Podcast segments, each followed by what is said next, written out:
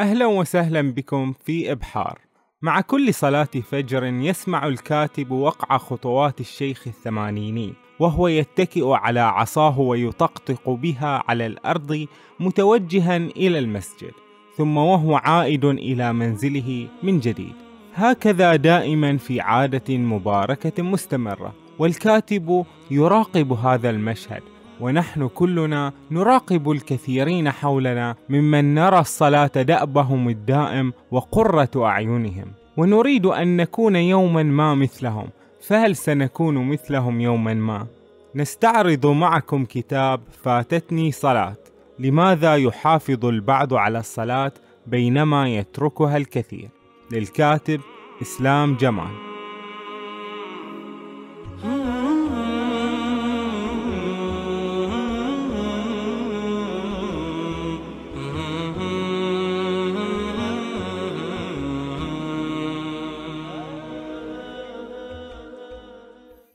بسم الله الرحمن الرحيم.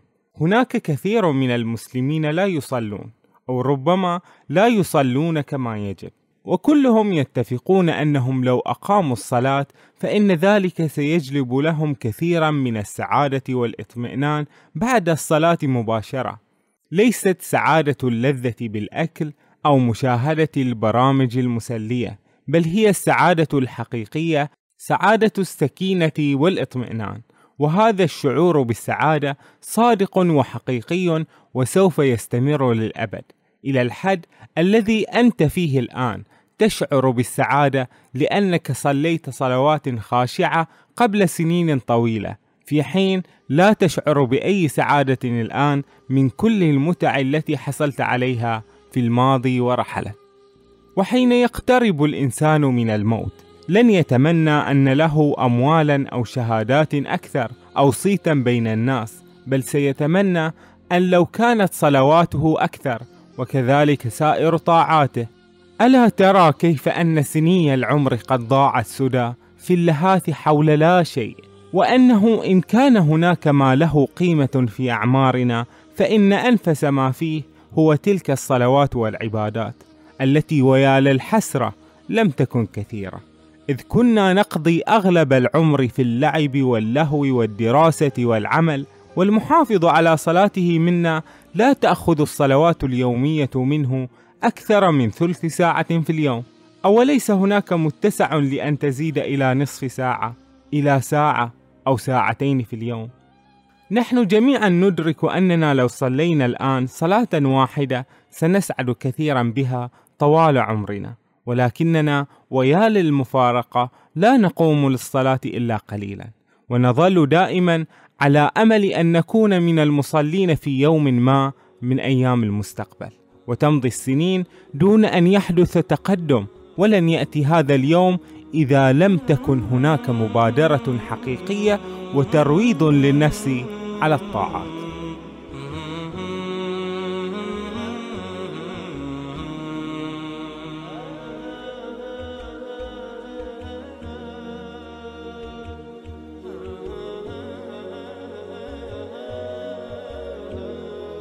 أولئك الذين يتوافدون إلى المساجد كل يوم يبقون بها مددا طويلة في عبادة وذكر لماذا لا تكونوا مثلهم؟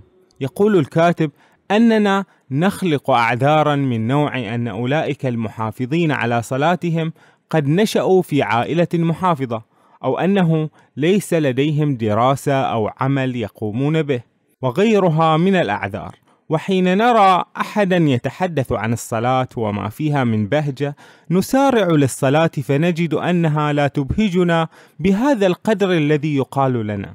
ونظن أن السبيل إلى صلاة خاشعة قد يكون منقطعا ونضع في خانة الأمنيات أن نحسن من صلاتنا دون أن يكون هناك عمل حقيقي. والصحيح أن نفسنا الأمارة بالسوء لا تقبل على الصلاة فلا بد من ترويضها بالشدة واللين حتى تعتاد وتقبل على الصلاة المفروضة وكذلك النوافل. وبعد مجاهدات طويلة سوف يكون هناك أنس بالصلاة. أهم ما يجب أن يتحلى به من يريد ترويض نفسه على الصلاة هو ضبط النفس. حين يرفع الأذان يؤجل كل شيء ويتوجه للصلاة. ولا مجال للتفكير في سيناريوهات أخرى. سأقوم بهذا العمل وبعدها سأصلي. سأنام عشر دقائق وبعدها سأقوم لصلاة الفجر. كل هذه الوساوس ستدفعك للتفريط في الصلاة. ومعروف أن الصلاة في أول وقتها تكون أسهل وأجمل ما يكون. وكلما تأخرت عنها تثاقلت في أدائها. يقول الكاتب إذا كنت تعتقد أن الصلاة أمر متعب وشاق بالنسبة لك فسيكون كذلك. وإذا كنت تعتقد أنها دواء شاف وفسحة للسعادة فستكون كذلك أيضا. نحن نعرف أن الصلاة هي قرة عين النبي صلى الله عليه وآله وسلم. فهناك من يرى الصلاة هكذا وهناك من يراها هكذا. فأنت المسؤول عما تعتقد. ويمكنك أن تغير صورتك الذهنية عن الصلاة بالمجاهدة والعمل هل تعاني في حياتك؟ هل أنت حزين على مشاكلك؟ خائف من مستقبلك؟ التجئ بالصلاة قال تعالى إن الإنسان خلق هلوعا إذا مسه الشر جزوعا وإذا مسه الخير منوعا إلا المصلين الذين هم على صلاتهم دائمون كل إنسان هو في هلع من صروف الدهر ومتغيرات الأيام. يصيبه خير فيطغى به ويصيبه شر فيخاف ويجزع. يقول الله عز وجل إلا المصلين. المصلين الذين يستقطعون من عمر الدنيا ساعة ليقفوا بين يدي بارئهم. يرمون الدنيا وراء ظهورهم ويعيشون الأبدية في هذه اللحظات. ويرون بعين البصيرة بين يدي الله كيف تتهاوى مشاكلهم وأطماعهم. فكل شيء زائل من هذه الدنيا. الخير والشر الذي نزل بنا ما نطمع به وما نحذر منه. لا شيء من ملهيات هذه الدنيا يستحق أن يعظم. ثم إن هذا الوقت هو الوقت الذي نشكو فيه إلى بارئنا ما أصابنا ونوكله بتصريف كل شيء. هو الموفق لكل خير والدافع عنا كل شر وهو الذي شرع الصلاة لنلتقي به ونطلب منه حاجاتنا. كم يتمنى الإنسان أن يصل بصلاته إلى هذا المقام وإلى هذا اليقين؟ كيقين النبي إبراهيم عليه السلام حين سعروا له نارا ليرموه فيها وجاء جبريل ليقول له ألك حاجة؟ فيرد عليه الخليل أما منك فلا. لم يرد النبي أن يطلب من أحد من الخلق شيئا حتى ملاك الوحي جبرائيل بكل قدرته ومقامه العظيم. فكيف بنا ونحن نطلب حاجاتنا من هذا وذاك؟ فالله عز اسمه أقدر وأكبر وهو الأولى بأن ندعوه ونتذلل إليه بضعفنا ومسكنتنا. ما زال في الكتاب نقاط مهمة كثيرة تابعوا الحلقة القادمة من مراجعة كتاب فاتتني صلاة وأتمنى أن يعجبكم هذا المقطع. شاركوني آراءكم وكونوا بخير.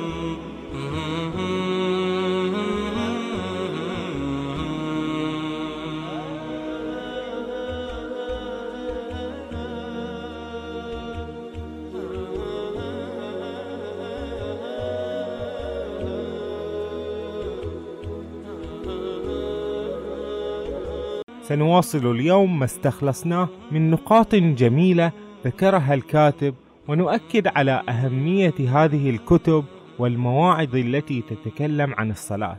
فالإنسان يحتاج إلى توجه ذهني يدفعه للاهتمام بالصلاة والمجاهدة في أدائها كما ينبغي.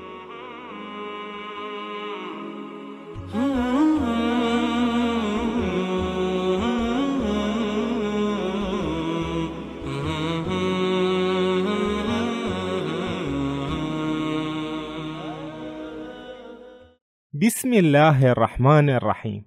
في عالم التسويق حققت إحدى شركات معجون الأسنان ربحا كبيرا في القرن الماضي لأنها أضافت مادة في المعجون لا علاقة لها بتنظيف الأسنان. كل ما تحتويه هذه المادة هو طعم لاذع يعطي شعورا بالانتعاش. وهنا كان المستخدمون يواظبون على غسل أسنانهم بسبب هذا الطعم المنعش الذي يشعرهم بأن أسنانهم نظيفة مع أنه ليس هناك أي رابط. ونرى اليوم أن جميع شركات الأسنان تتنافس على وضع طعم منعش لأثره الكبير الذي يسمى في علم التسويق المكافأة. ومن هنا يقول لنا الكاتب أن الله عز وجل ادخر لنا مكافأة فورية في الصلاة. هل تعرف ما هي؟ قلناها في الحلقة الماضية. إن المكافأة هي الشعور بالسكينة التي تعم القلب والتوفيق والتسديد الإلهيين.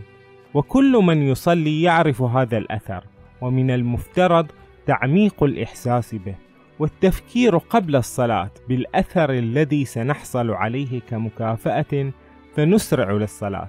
والمكافأة تكبر وتصغر على قدر المجاهدة التي قمت بها في الصلاة. فلا تتوقع أن تحصل على السكينة بصلاة سريعة لا تعرف ماذا قرأت فيها وإنما ستحقق السعادة والسكينة والإطمئنان في حال الصلاة الخاشعة وننتقل إلى مفهوم الصلاة الخاشعة ما هو يا ترى الخشوع؟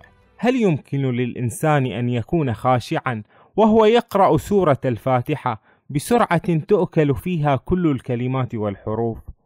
هل يمكن أن يتأتى الخشوع دون تأني المصلي في أدائه للركوع والسجود؟ وأن يستشعر الكلمات التي يقولها مما فيه إظهار عظمة الخالق العزيز، ويتفاعل مع ذلك بعقله وقلبه. لذلك يقول الكاتب بأن الخشوع يبدأ أولا بالحركات الظاهرية للمصلي، فلا يقف كما يقف الملول، ولا يسرع في الصلاة بل يركز فيها، ولا يفكر بمشاكله أو بما سيفعله بعد الصلاة. هنا سيتحصل له شيء من الخشوع، وسيتحسن الأمر مع المجاهدة المستمرة. صلاة الفجر كمبدأ للحياة. إذا كنت تصلي كل الصلوات ولكنك لا تصلي صلاة الفجر في وقتها فذلك بسبب نظامك اليومي الذي تقضيه في السهر لساعة متأخرة. ولذلك يصعب عليك النهوض لصلاة الفجر. يؤكد الكاتب على طريقة جميلة للحياة لأولئك الذين يحبون الصباح. استيقظ لصلاة الفجر وأقم الصلاة ثم لا تعد إلى فراش النوم واقض يومك بنشاط فلديك الكثير من الوقت للإنجاز والعمل. وعد إلى النوم في الليل مبكرا لتستيقظ في الفجر هكذا باستمرار.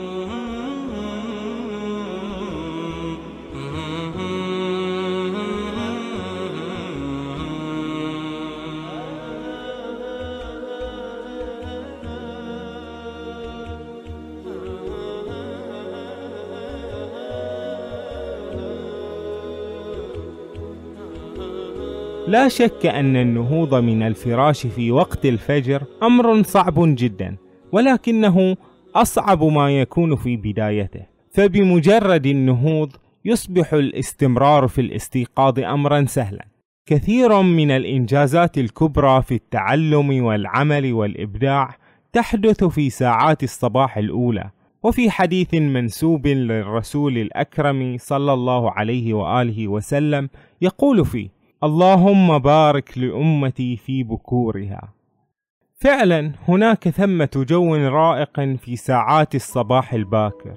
من يصلي صلاة الفجر في وقتها ويكون بكل صحوته يستشعر الكثير من الروحانية. وحين يمضي الوقت قليلا تستيقظ الطيور ويشرق ضوء الصبح شيئا فشيئا في خفوت عذب. تظهر الشمس متوردة وتبث الرياح نسماتها الباردة وتبدو الأشجار والنباتات في أجمل إطلالاتها والمدينة هادئة غافية في سلام. إنه وقت الطيور الجميلة التي تحوم وتغرد منشدة ترنيمة الاستبشار ببزوغ يوم جديد. جميل وثمين هذا الوقت لو استيقظ فيه المرء لاستفاد منه الكثير. وقد يظن البعض بأن الصلاة تأخذ الكثير من الوقت وتمنع من العمل والإنجاز والصحيح أنها أهم ما يطرد الكسل والخمول. فإذا قمت للصلاة كنت مستعدا بعد أدائها لعمل الأشياء الأخرى وهي أداة حكيمة لتنظيم الوقت لو بنينا يومنا على أوقات الصلاة. فتقسيم الوقت إلى فترات ذات أهداف محددة هو من أهم الأساليب لتنظيم الوقت فيقسم اليوم بأوقات الصلاة ثم تكون الصلاة وقتا للراحة والانقطاع عن كل هذه الأعمال. فعندما نوقت مواعيدنا نضعها بعد الصلاة الفلانية ولا نجعلها تخترق وقت الصلاة بقدر الإمكان. وبهذا يكون اليوم مباركا تتم فيه أعمال كثيرة. أما من يعجز عن أداء صلواته وهو يعتقد بأن فيها خلاصه وسكينته فهو أعجز من أن يؤدي أعماله الأخرى بالشكل الصحيح.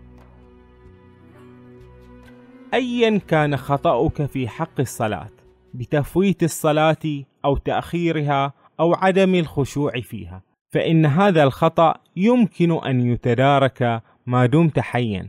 الحياة دروس نتعلم منها، فبعد ألف خطأ وخطأ وقع فيه مهندسو الطائرات وتسبب بسقوطها مرات ومرات. ها هي طائرات اليوم تحلق أكثر أمانا. وفي المجال الديني يمكن أن يكون الخطأ سبيلا للصواب. فكما قيل في التراث الإسلامي رب معصية أورثت ذلا وافتقارا خير من طاعة أورثت عزا واستكبارا. فإن كنا نادمين على الخطأ فنحن على الدرب الصحيح. وعندما نقارن بين فعلنا القديم والحديث فنكتشف كيف كنا في الماضي في جهالة لم تورثنا إلا الحسرة وأن ما نلتزم به الآن من الصلاة يحقق لنا السعادة الأبدية. فهذه هي الغاية المنشودة. الصلاة صحة في البدن. يعدد الكاتب فوائد صحية لأداء الصلاة. الوضوء تنشيط للدورة الدموية ووقاية من الأمراض كذلك المشي للذهاب للمسجد وكذلك الصلاة نفسها بحركات الركوع والسجود وغيرها يفصل الكاتب في كثير من الفوائد الصحية التي يمكن للإنسان أن يشجع نفسه بأدائها فالبعض يذهب للنادي الرياضي ليقوم بأصعب المهام الرياضية وفي مدد زمنية طويلة من أجل صحته وهذا جيد ولكن يتناسى البعض القيام بحركات الصلاة التي لا تأخذ الكثير من الوقت والتي تفيد من ناحية صحية ونفسية والأهم من ذلك تحقيق رضا الله عز وجل. الرسول وأسوة الصلاة لماذا كانت الصلاة قرة عين النبي؟ إلى الحد الذي يقول عنها في الأثر المنسوب له: أرحنا بها يا بلال.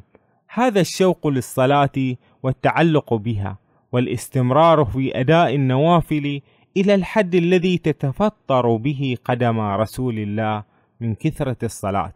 لن نصل بالطبع إلى هذا المقام، ولكن كثير من الناس وصلوا إلى مقام اشتياق الصلاة. ألا ترى بعض كبار السن الذين قضوا أعمارهم في الصلاة؟ ها هم وقد عمروا الكثير وذوت صحتهم تجدهم لا يفارقون الصلاة رغم صعوبة أدائها عليهم. صارت الصلاة لهم قرة عين بعد أن جاهدوا في أدائها كما تجب. وتعبوا وحاولوا سنة بعد سنة أن يخشعوا فيها أكثر وأكثر. ها هم الآن ينتظرون أوقاتها ويذهبون إليها كما يذهب العاشق إلى معشوقه. إنهم راعوا الصلاة في شبابهم فراعتهم الصلاة في شيخوختهم وأصبحت أنسهم الكبير. نسأل الله أن يكتبنا وإياكم من المصلين الذين هم على صلاتهم دائمون. أشكركم على استماعكم وشاركوني آراءكم وكونوا بخير.